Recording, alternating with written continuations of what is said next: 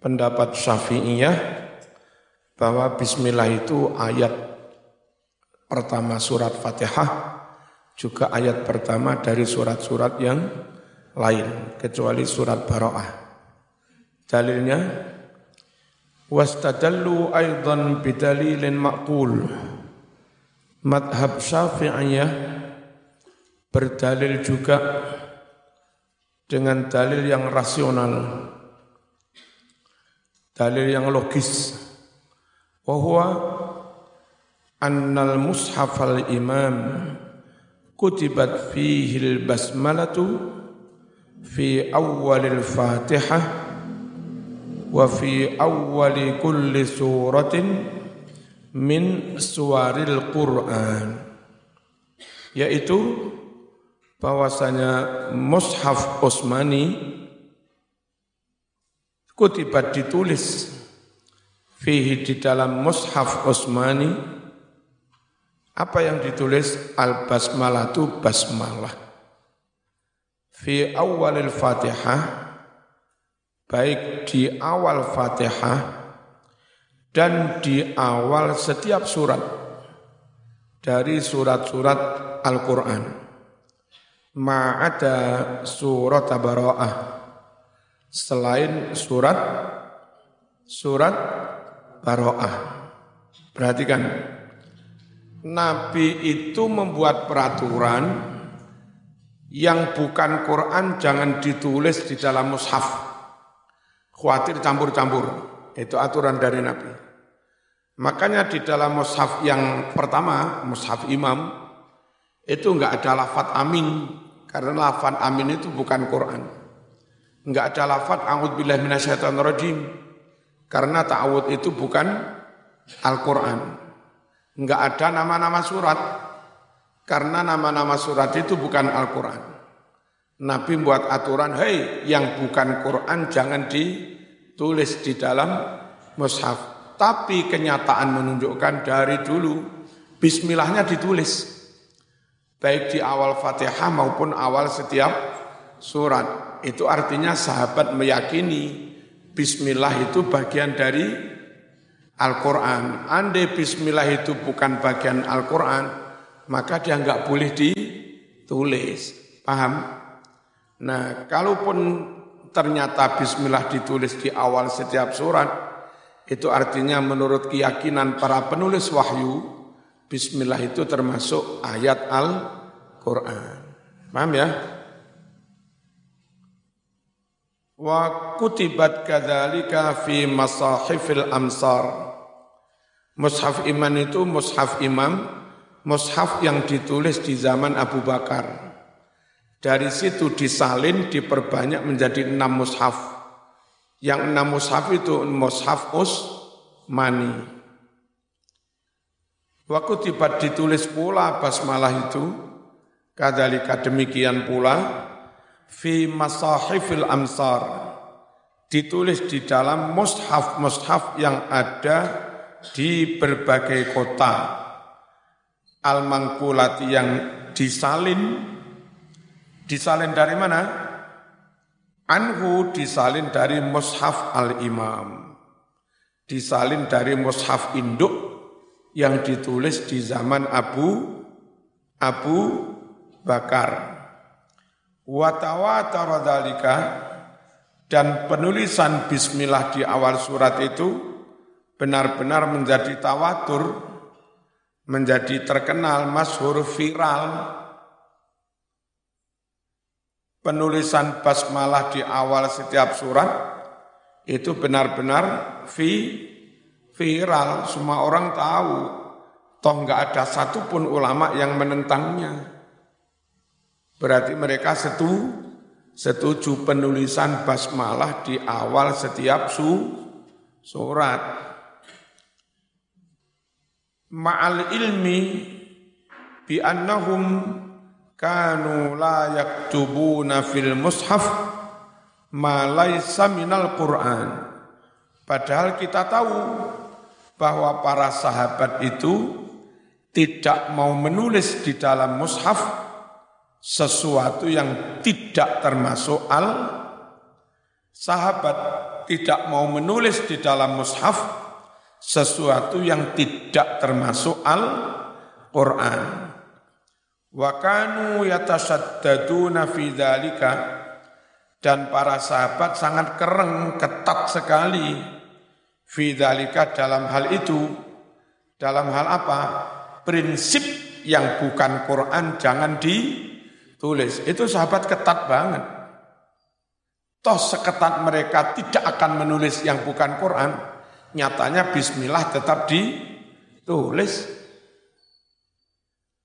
hatta innahum mana'u min kitabati ta'syir sampai-sampai sahabat melarang mencegah penulisan taksir ini biasanya untuk memudahkan hafalan ditulis usar sepersepuluh juz usar sepuluh sepersepuluh juz kayak gitu kalimat usar jangan ditulis itu tidak termasuk Quran. Enggak boleh itu ditulis. Wa min iswar dan juga melarang penulisan nama-nama su melarang penulisan nama-nama su surat. Kenapa nama surat enggak boleh ditulis? Itu bukan Quran. Wa minal i'jam dan melarang nitik-nitik mushaf. Dulu enggak ada titiknya kan mushaf. Ya. Wa ma wujida min dzalika akhiran sedangkan sesuatu yang didapati dari penulisan taksir, penulisan nama-nama surat, memberi titik akhiran di akhir-akhir, faqad kutiba bi ghairi khatil mushaf. Itu memang ditulis tidak dengan khatnya mushaf yang pertama itu sudah belakangan perkembangan di zaman Abu Abu apa Abu Abul Aswad at Ali Imam Khalil Al Farahidi. Abul Aswad yang mengerob A A I U yang Imam Khalil yang memberi titik. Nah, sekarang pakai itu. Jadi kalaupun akhirnya ada penulisan nama surat, itu memang ditulis tidak sesuai dengan khotnya mus mus mushaf wa ghairil midad dan ditulis dengan tinta selain tinta khusus untuk mushaf hifdhan lil Qur'an an yatasarraba ilaihi ma laysa minhu. Kenapa sahabat ketat?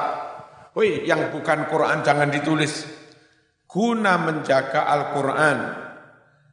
An yatasarroba jangan sampai masuk ilaihi kepada Quran, nyusup, malai saminhu lafat-lafat yang bukan termasuk al al Quran. Nah, tapi nyatanya Bismillah ada tak?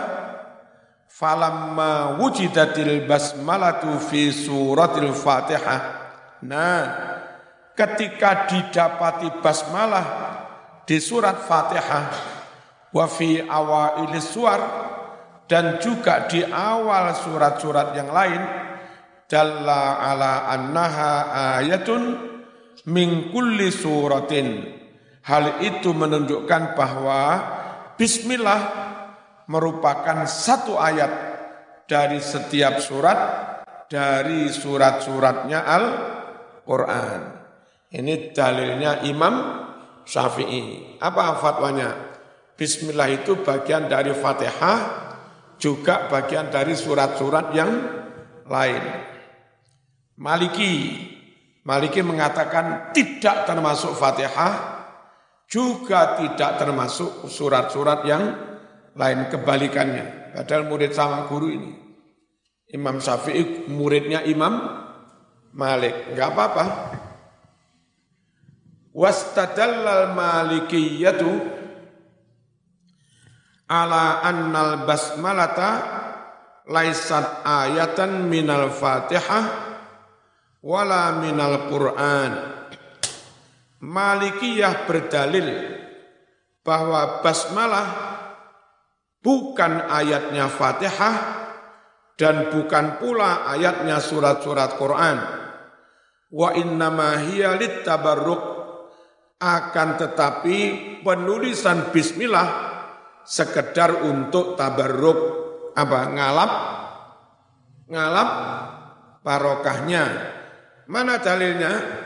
Bi adillatin dengan dalil-dalil.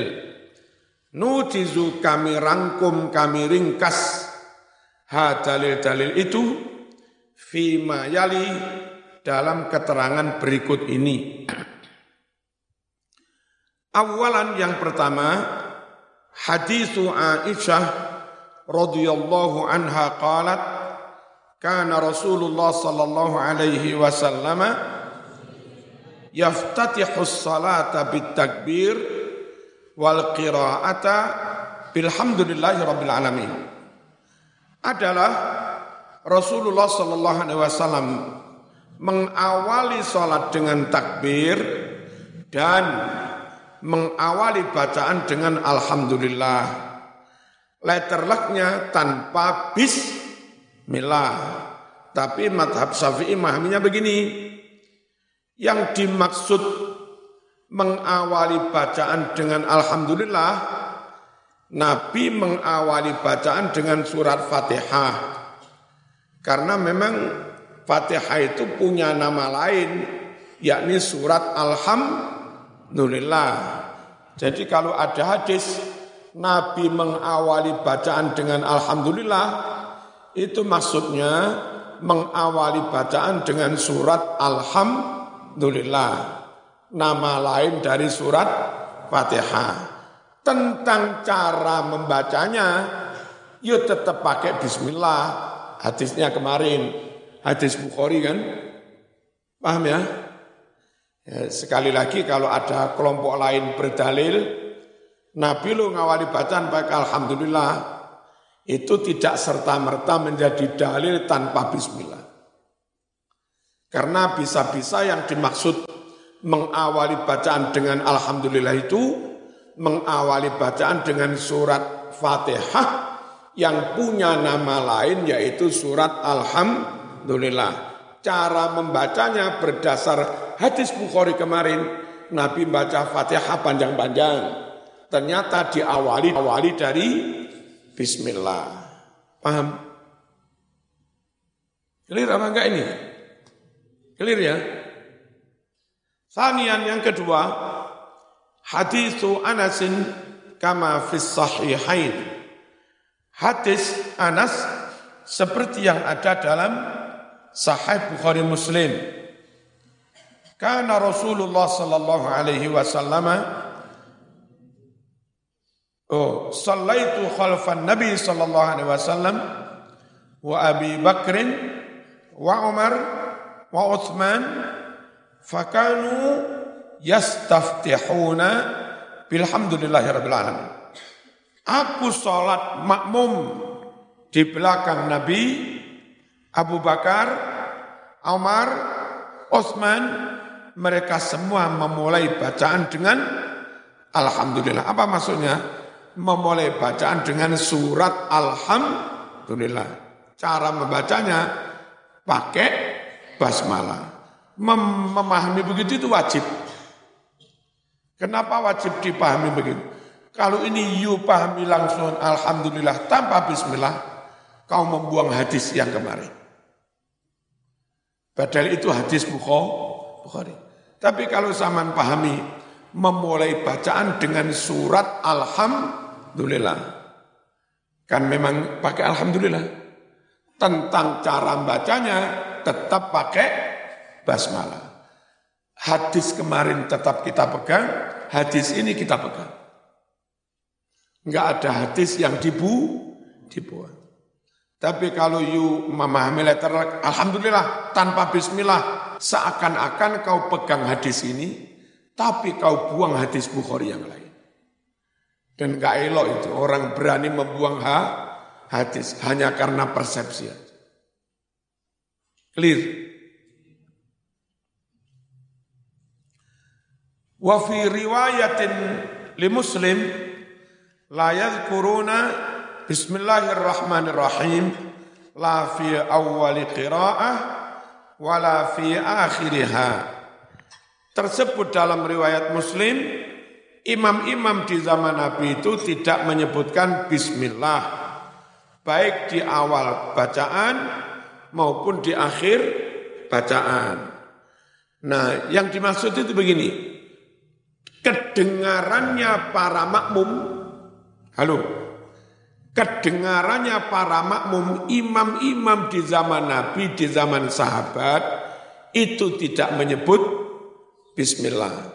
Nah kalau mereka dengarnya langsung Alhamdulillah, tidak dengar Bismillah, bukan berarti tidak mem membaca. Kira-kira Nabi itu baca A'udzubillah apa enggak? Halo?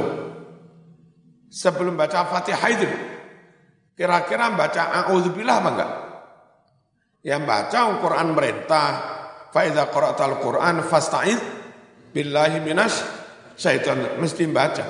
Kira-kira Nabi baca iftitah apa enggak? Baca itu aja. Ya baca memang itu sunnah Rasul. Ya, Nah ketika sahabat yang jadi makmum, mereka dengar langsung Alhamdulillah, tidak bisa disimpulkan tidak baca iftitah atau tidak baca au zubillah. Itulah. Paham? Jadi kalau Anda menyimpulkan eh, ada hadis ini mereka tidak menyebut bismillah lalu kau simpulkan nggak baca Berarti Anda juga akan menyimpulkan Nabi enggak baca iftitah, juga enggak baca Alhamdulillah alasan enggak deng, enggak dengar. Nah, kalau menurut kamu enggak baca iftitah, ya enggak baca a'udzubillah, ya enggak baca bismillah, langsung alhamdulillah, terus Nabi meneng lama itu lapo. Sebelum Alhamdulillah terus Allahu Akbar. Kan nggak dengar suara apa-apa tuh. Meneng. Lama sok Nabi itu meneng. Ini dok. Dan perkara kamu yakin bismillah dibaca. Perkara bacanya bisa keras, bisa li, lirih, itu urusan lain. Tapi tetap dibaca. Deal.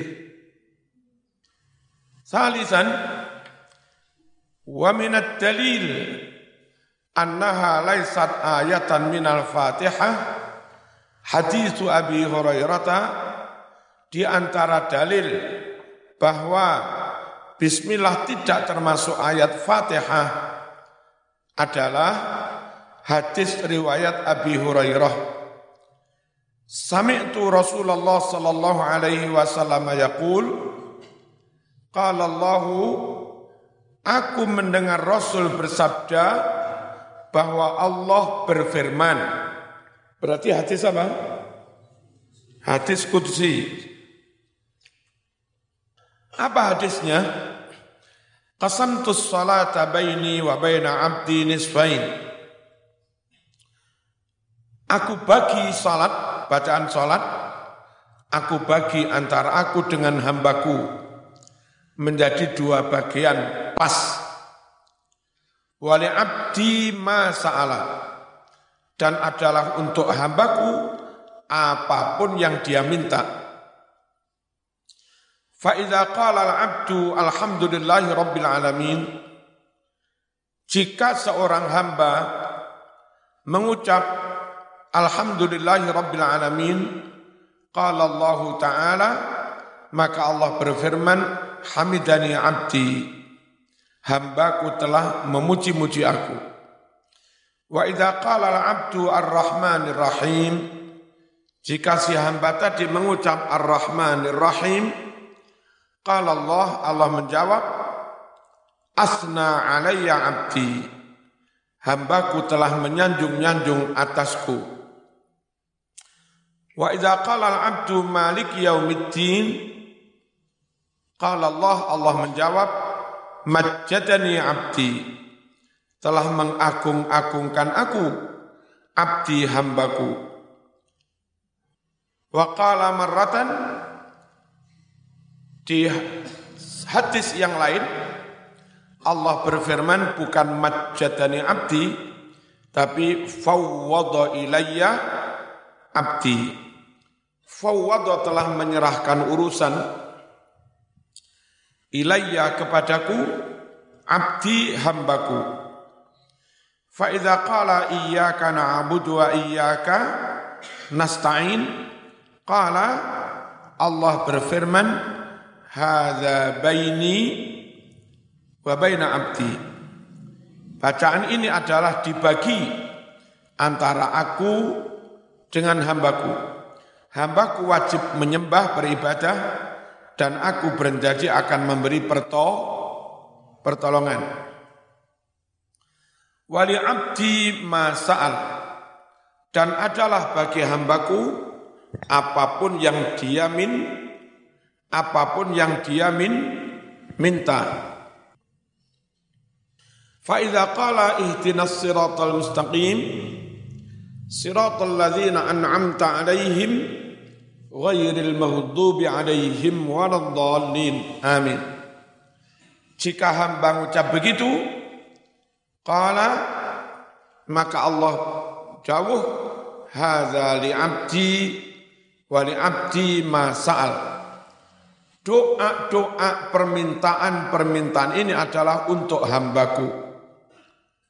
Dan bagi hambaku terserah apa pun yang dia min, apa pun yang dia min, minta. Qalu faqauluhu subhanahu mengucaplah madhab Malikiyah. Allah berfirman qasamtu salat. Aku bagi salat yuridul Fatihah. Dia maksud aku bagi surat Fatihah tapi di sini surat Fatihah disebut so so salat. Wasammaha salatan Allah namakan Fatihah dengan nama salat lianna salata la tasihhu illa biha karena salat memang tidak sah kecuali dengan suratul Fatihah. Falau kanatil basmalatu ayatan minal fatihah lalu kirat fil hadisil qudsi. Andai basmalah itu termasuk ayatnya surat fatihah, pasti disebut dalam hadis qudsi. Cuma begini, tidak disebut di sini bukan berarti lantas bismillah itu enggak termasuk su, surat karena bismillah itu ada di awal setiap surat, maka kadang dalam kajian apa-apa, bismillahnya enggak perlu dikaji. Emang ngaji apa? Kemarin sudah men men menafsiri bismillah. Ada surat lagi ada bismillah. Ada surat lagi ada bismillah. Itu ketika nemu bismillah lagi cukup pre-memori. Wingi idem Ngerti ya? Tidak dibahasnya di sini. Bismillah. Bukan berarti bismillah itu terbuang dari suratul Fatihah. Karena sudah pada maklum di awal setiap surat ada bismillah. Tuh. Terus lagi pula eh, nanti maknanya sama dengan yang Ar-Rahman Ar-Rahim. Ketika hamba menyebut Ar-Rahman Ar-Rahim, Allah menjawab, Asna alaiya abdi. Di Bismillah juga ada Ar-Rahman Ar-Rahim. Maka cukup satu aja yang disebut. Misalnya zaman guru tafsir, ngaji tentang tafsirnya surat Ar-Rahman. Fabi ayyi ala rabbikuma tukadziban zawata afnan fabi ayyi ala rabbikuma tukadziban. Hah? Masuk setiap ada ayat itu mau makna ini, mau makna ini mana, mau makna ini mana, ngono. Ya cukup idem pada mau. Kan banyak sekali itu. Fabi ayyi ala rabbikuma tukadziban. Ya. Tahu? Eh, tidak dibahasnya Fabi ayyi ala rabbikuma tukadziban dalam ayat berikutnya, berikutnya, berikutnya karena sama, itu bukan berarti kita enggak mengakui keberadaan fabi ayyi ala rabbikuma tukadziban. Tidak disebutnya bismillahirrahmanirrahim karena sudah menyebut ar-rahmanir rahim di tengah bukan berarti menafikan keberadaan bismillah. Ya enggak disebut karena podo kok maknane podo cukup salah satu. Clear. Bismillahirrahmanirrahim. Rabi'an yang keempat, Laukanatil basmalatu minal fatihah, lakana hunaka tikrarun fi ar-rahmanir rahim. Andai basmalah itu termasuk surat fatihah, tentu di sana ada pengulangan pengulangan pengulangan kalimat ar-rahmanir rahim Ar-Rahmanir-Rahim di Bismillah, Ar-Rahmanir-Rahim di ayat ketiga. Ya. Ada pengu, ada pengu, pengulangan. Wa asbahat as-suratu kal'ati. Jadinya surat Fatihah seperti yang berikut ini. Bismillahirrahmanirrahim. Alhamdulillahirrabbilalamin. Ar-Rahmanir-Rahim. Lo depan ono Ar-Rahmanir-Rahim, buri ono maneh Ar-Rahmanir-Rahim. Wa dzalika mukhillun bi balaghatin nazmil jalil. Pengulangan kalimat Ar-Rahmanir-Rahim itu merusak merusak nilai kesastraan susunan Al-Quran yang agung. Jadi nilai sastranya jadi enggak tinggi, gara-gara ada pengu pengu pengulangan supaya nilai sastranya tinggi jangan ada pengulangan. Supaya enggak ada pengulangan buang itu bismillah. Sehingga Ar-Rahman Ar-Rahim cukup disebut sek sekali. Pertanyaannya apa dengan adanya pengulangan-pengulangan lalu balagonya Quran jadi hilang? Andai gara-gara ada pengulangan, pengulangan, pengulangan, nilai sastranya Quran jadi hilang, bagaimana Anda menanggapi surat Ar-Rahman? Berkali-kali mengulangi fabi ayyi ala rabbikuma tukadziban. Masuk kamu nggak mengakui? Halo? Paham? Jadi kalau sekedar diulangi saja terus dianggap yang satunya enggak termasuk Fatihah itu ya enggak lah enggak begitu Khamisan yang kelima kitabatuha fi awailis suwari innama huwa tabarruk penulisan bismillah di awal setiap surat itu sekedar untuk ngalap barokah walimtisalil amri bitalabiha. Dan karena mengikuti perintah supaya mencari keberkahan. Wal bad'i biha fi awailil umur. Dan perintah mengawali dengan bis mengawali dengan bis milah di awal setiap perkara. Kate ngaji bismillah, kate mangan bismillah, kate nginum bismillah. Nah ini kate maca surat yo bismillah. Itu aja sebetulnya. Ngalap barokah kesunatan. Bukan lantas bismillah itu bagian dari su surat. Tapi kalau madhab syafi'i tadi, kalau bukan bagian dari surat, kenapa kok ditulis? Sejak di mushaf yang pertama.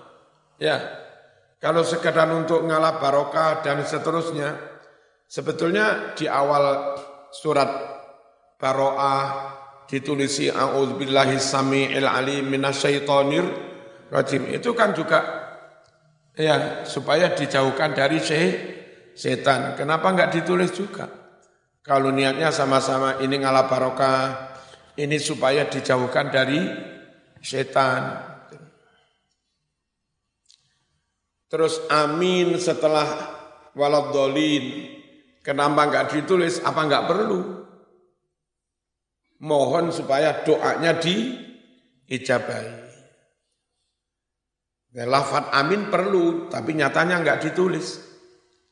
Lafat a'udzubillahi samil alim minasyaitonirrajim perlu di surat Baro'ah, tapi nyatanya enggak ditulis. Ngalap barokah dengan bismillah perlu dan ditulis. Berarti status bismillah tetap beda dengan status amin maupun status ta'aw, ta'awud. Dong. Wahia wa in tawatara katbuha fi awailis suwar falam yatawatar kaunuha Qur'anan fiha.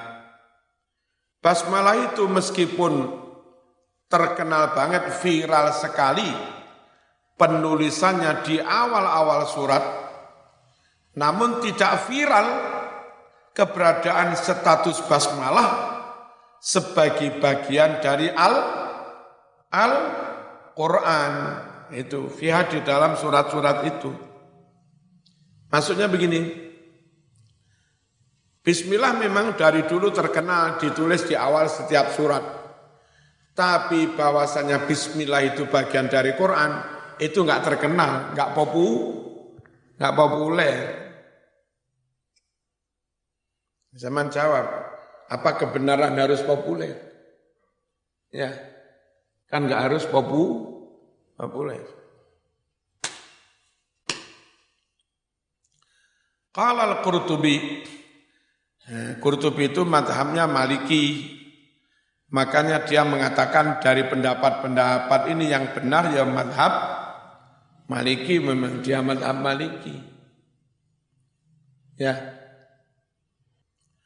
As-sahih min hadhihi al-aqwal qaulu Malik yang benar dari sekian banyak pendapat tentang basmalah ini yaitu pendapatnya fatwanya Imam Imam Malik di annal Quran la yusbatu bi akhbaril ahad karena Al-Quran itu tidak bisa ditetapkan tidak bisa dicantumkan dalam mushaf hanya berdasar hadis-hadis ahad Wa innama tariquhu at-tawatur al-qat'i. Akan tetapi metodologi penetapan suatu ayat menjadi ayat Quran itu harus tawatur apa? Harus muta harus muta mutawatir ya sangat terkenal luas vi viral al-qat'i secara pasti alladzi la yukhtalafu fih yang tidak diperselisihkan. Ini Mas, dengarkan saya. Ada ini awal-awal penulisan mushaf. Lalu ada sahabat bilang kepada panitia penulisan mushaf, siapa? Zaid bin Sabit. Niki kula nggak ada dua surat dulu saya dapat dari Nabi. Ini Al-Quran. Apa langsung ditulis oleh Zaid? Ya enggak. Tanyakan sahabat yang lain. Ketika semua sahabat bilang, ya itu Quran itu, baru ditulis. Tapi kalau ada sahabat bilang, ini tulis ini termasuk Quran. Jadi sahabat lihat, kak ngawur ngarang nih. Ya enggak akan ditulis. Jadi syaratnya ayat dicantumkan, ditetapkan dalam mushaf, itu syaratnya harus mutawatir harus sangat populer, terkenal, vi, viral, nggak ada yang menentang. Lah basmalah itu masih diperselisihkan. Ada yang mengatakan itu Quran, ada yang mengatakan itu bukan Quran. Berarti basmalah nggak bisa dicantumkan sebagai Qur, Quran, wong masih diperselisihkan. Itu logikanya madhab Maliki. Syaratnya ayat masuk dalam mushaf harus qat'i, pasti, secara mutawatir. Bismillah tidak qat'i, tidak mutawatir, karena ada perselisihan. Berarti bismillah nggak bisa dianggap bagian dari Al-Quran. Jawab kita, ada perselisihan kan belakangan. Dulu awal bismillah ditulis zaman sahabat, zaman kutabul wahyi, nggak ada yang memperselisihkan. Bermasalahkan belakangan, nggak ngefek. Ya tetap saja bismillah, bismillah, bagian dari Al-Quran. Saking saja kamu yang ini berpendapat begini, ini berpendapat, nggak ngurus. Yang penting sejak zaman Nabi, zaman sahabat, bismillah ditulis, nggak ada yang komentar. Nggak ada yang menen, menentang. Semuanya mengakui keberadaan basmalah. Nah, masalahnya wajib diwaca apa enggak, apa enggak, itu urusan lain. Tidak menafikan status basmalah. Dong. Qala Ibnul Arabi. Tapi ya begini, dulu ulama antar, antar mazhab ya begini, saling berargumentasi. Nah, kita membaca kitab yang menyajikan pandangan berbagai, berbagai madhab. Itu kalau yang ngajar kayak saya, wawasannya nggak luas, murid itu bisa jadi bi, bingung. Lagi apa ini? Wa yakfika annaha laisat minal Qur'an ikhtilafun nasi fiha. Katanya Ibnul Arabi, Maliki juga, Cukuplah bagimu sebagai bukti bahwa basmalah tidak termasuk Al-Quran. Apa? Manusia berselisih tentang bismillah. Nah, kalau masih diperselisihkan, ya berarti bukan al bukan al Quran. Jawab kita seperti tadi. Saat penulisan mushaf nggak ada yang berselisih. Berselisih kan belakangan, dianggap piye, dianggap piye itu. Bukan berselisih dihilangkan apa enggak bismillah. Enggak berselisih begitunya. Wong nyatanya orang yang mengatakan enggak usah diwoco, nyatanya juga enggak berani. Lek ngono busekan bismillah. Bismillah ning Qur'ane suwek ning kabeh. Ini ora wani ya. Disuruh menghilangkan bismillah dari mushaf juga enggak berani. Sekalipun dia berpendapat nggak wajib di.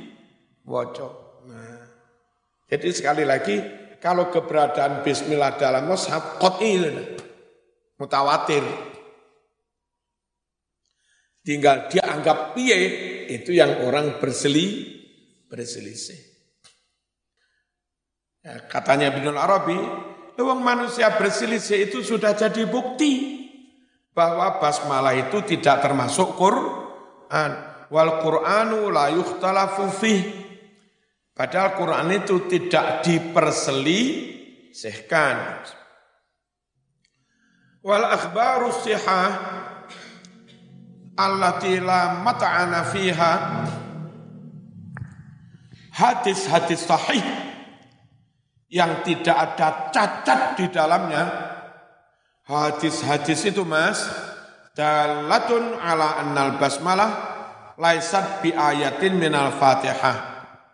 Hadis-hadis itu menunjukkan bahwa basmalah tidak termasuk ayat dari suratul Fatihah. Wala ghairiha juga surat-surat yang lain. Illa fin namli wahdaha kecuali di surat Naml saja. Yang kemarin itu innahu min Sulaiman wa innahu bismillahirrahmanirrahim. Maliala arul hudhuda. Kenapa aku hari ini enggak melihat burung hud-hud? Ya, diancam sama Nabi Sulai, Sulaiman. Awas, teko kan tak beleh kon. Ngono burung hud-hud teko bawa su surat teko bil bilkis. Katanya Ibnul Arabi, keberadaan bismillah masih diperselisihkan. Syaratnya Quran itu tidak diperselisihkan, berarti bismillah tidak termasuk Quran sudah kita jawab. Ya. Lalu katanya hadis-hadis yang tidak ada cacatnya menunjukkan bismillah tidak termasuk ayat Fatihah. Jawab kita enggak juga. Ada kok hadis-hadis yang menunjukkan bismillah itu awal dari Fatihah dan Sahih Bukhari juga kok. Enggak bisa you katakan semua hadis kok semua. Ya. Bahkan hadis yang kelihatannya kayak-kayak langsung alhamdulillah itu pun tidak mem, tidak menafikan tafsir. Andai ditafsiri alhamdulillah itu maksudnya surat alhamdulillah. Cara membacanya tetap dari Bismillah. Nah begitu. Semakala kemudian Ibnul Arabi mengucap, Inna madhabana yatarajjahu fi dhalika biwajhin azim, wa huwa al-maqul.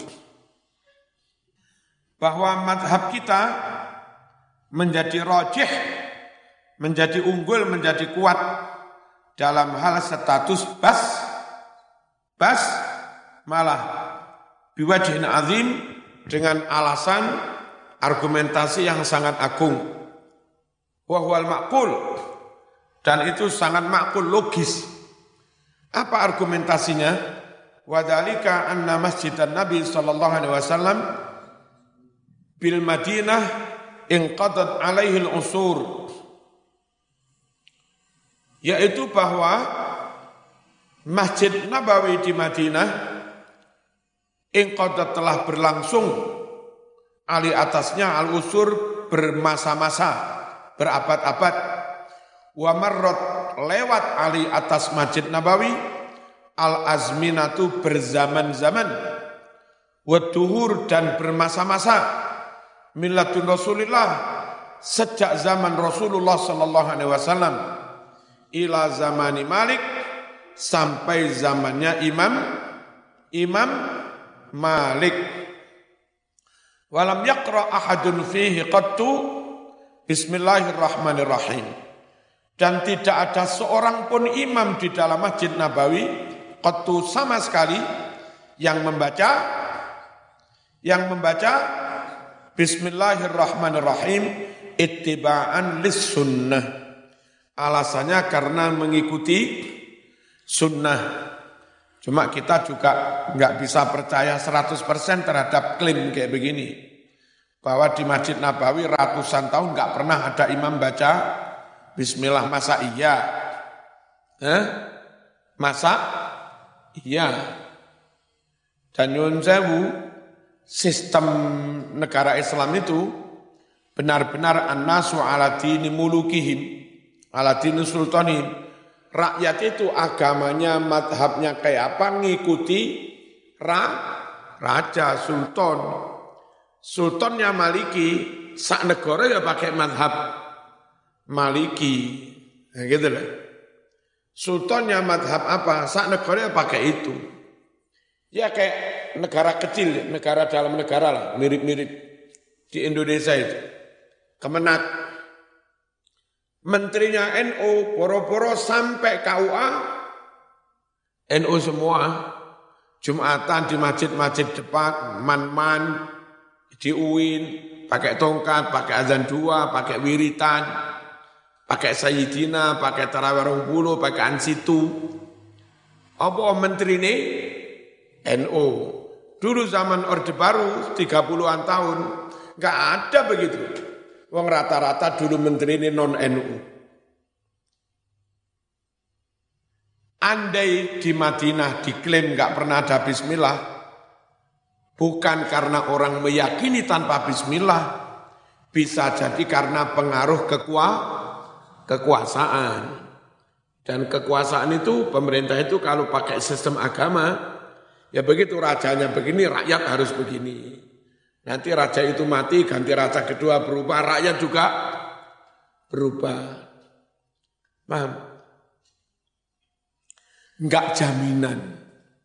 Andai di Masjid Nabawi enggak bismillah, benarkah sampai 1400 tahun tanpa ada bismillah? Nah, ya. Yang kedua, benarkah enggak bismillah itu karena pahamnya? atau karena gubernurnya yang melarang pakai bismillah karena gubernurnya ikut madhab tertentu. Wahada yaruddu ma dzakartumuh Dan ini menyanggah apa-apa yang tadi kalian sebutkan. Baita anna ashabana hanya saja pendukung-pendukung madhab kami, madhab maliki, istahabbu qira'ataha fin nafli. Mensunahkan baca basmalah di dalam sholat-sholat sun, sholat-sholat sun, sunnah Wa alaihi tuhmalul asarul waridatu dan atas hal inilah apa? Bismillah dibaca tapi hanya di dalam sholat. Halo? Hanya di dalam sholat sunnah. Tuhmalu dipahami, diterapkan. Al-asaru riwayat-riwayat. Al-waridatu yang telah datang. Fi qiraatiha fi qiraatiha. Tentang dibacanya bas. Basmalah. Au ala saati fi dhalik atau memang berdasarkan kelonggaran pendapat. Bisa jadi kadang sholat sunat baca bismillah. Memang untuk sholat sunat Imam Maliki memberi kelung kelonggaran. Monggo-monggo aja. Itu kalau sholat wajib jangan pakai basmalah. Kalaupun pakai liri supaya Masjid Nabawi dari dulu sampai kapan pun tetap begitu nggak perlu nggak berubah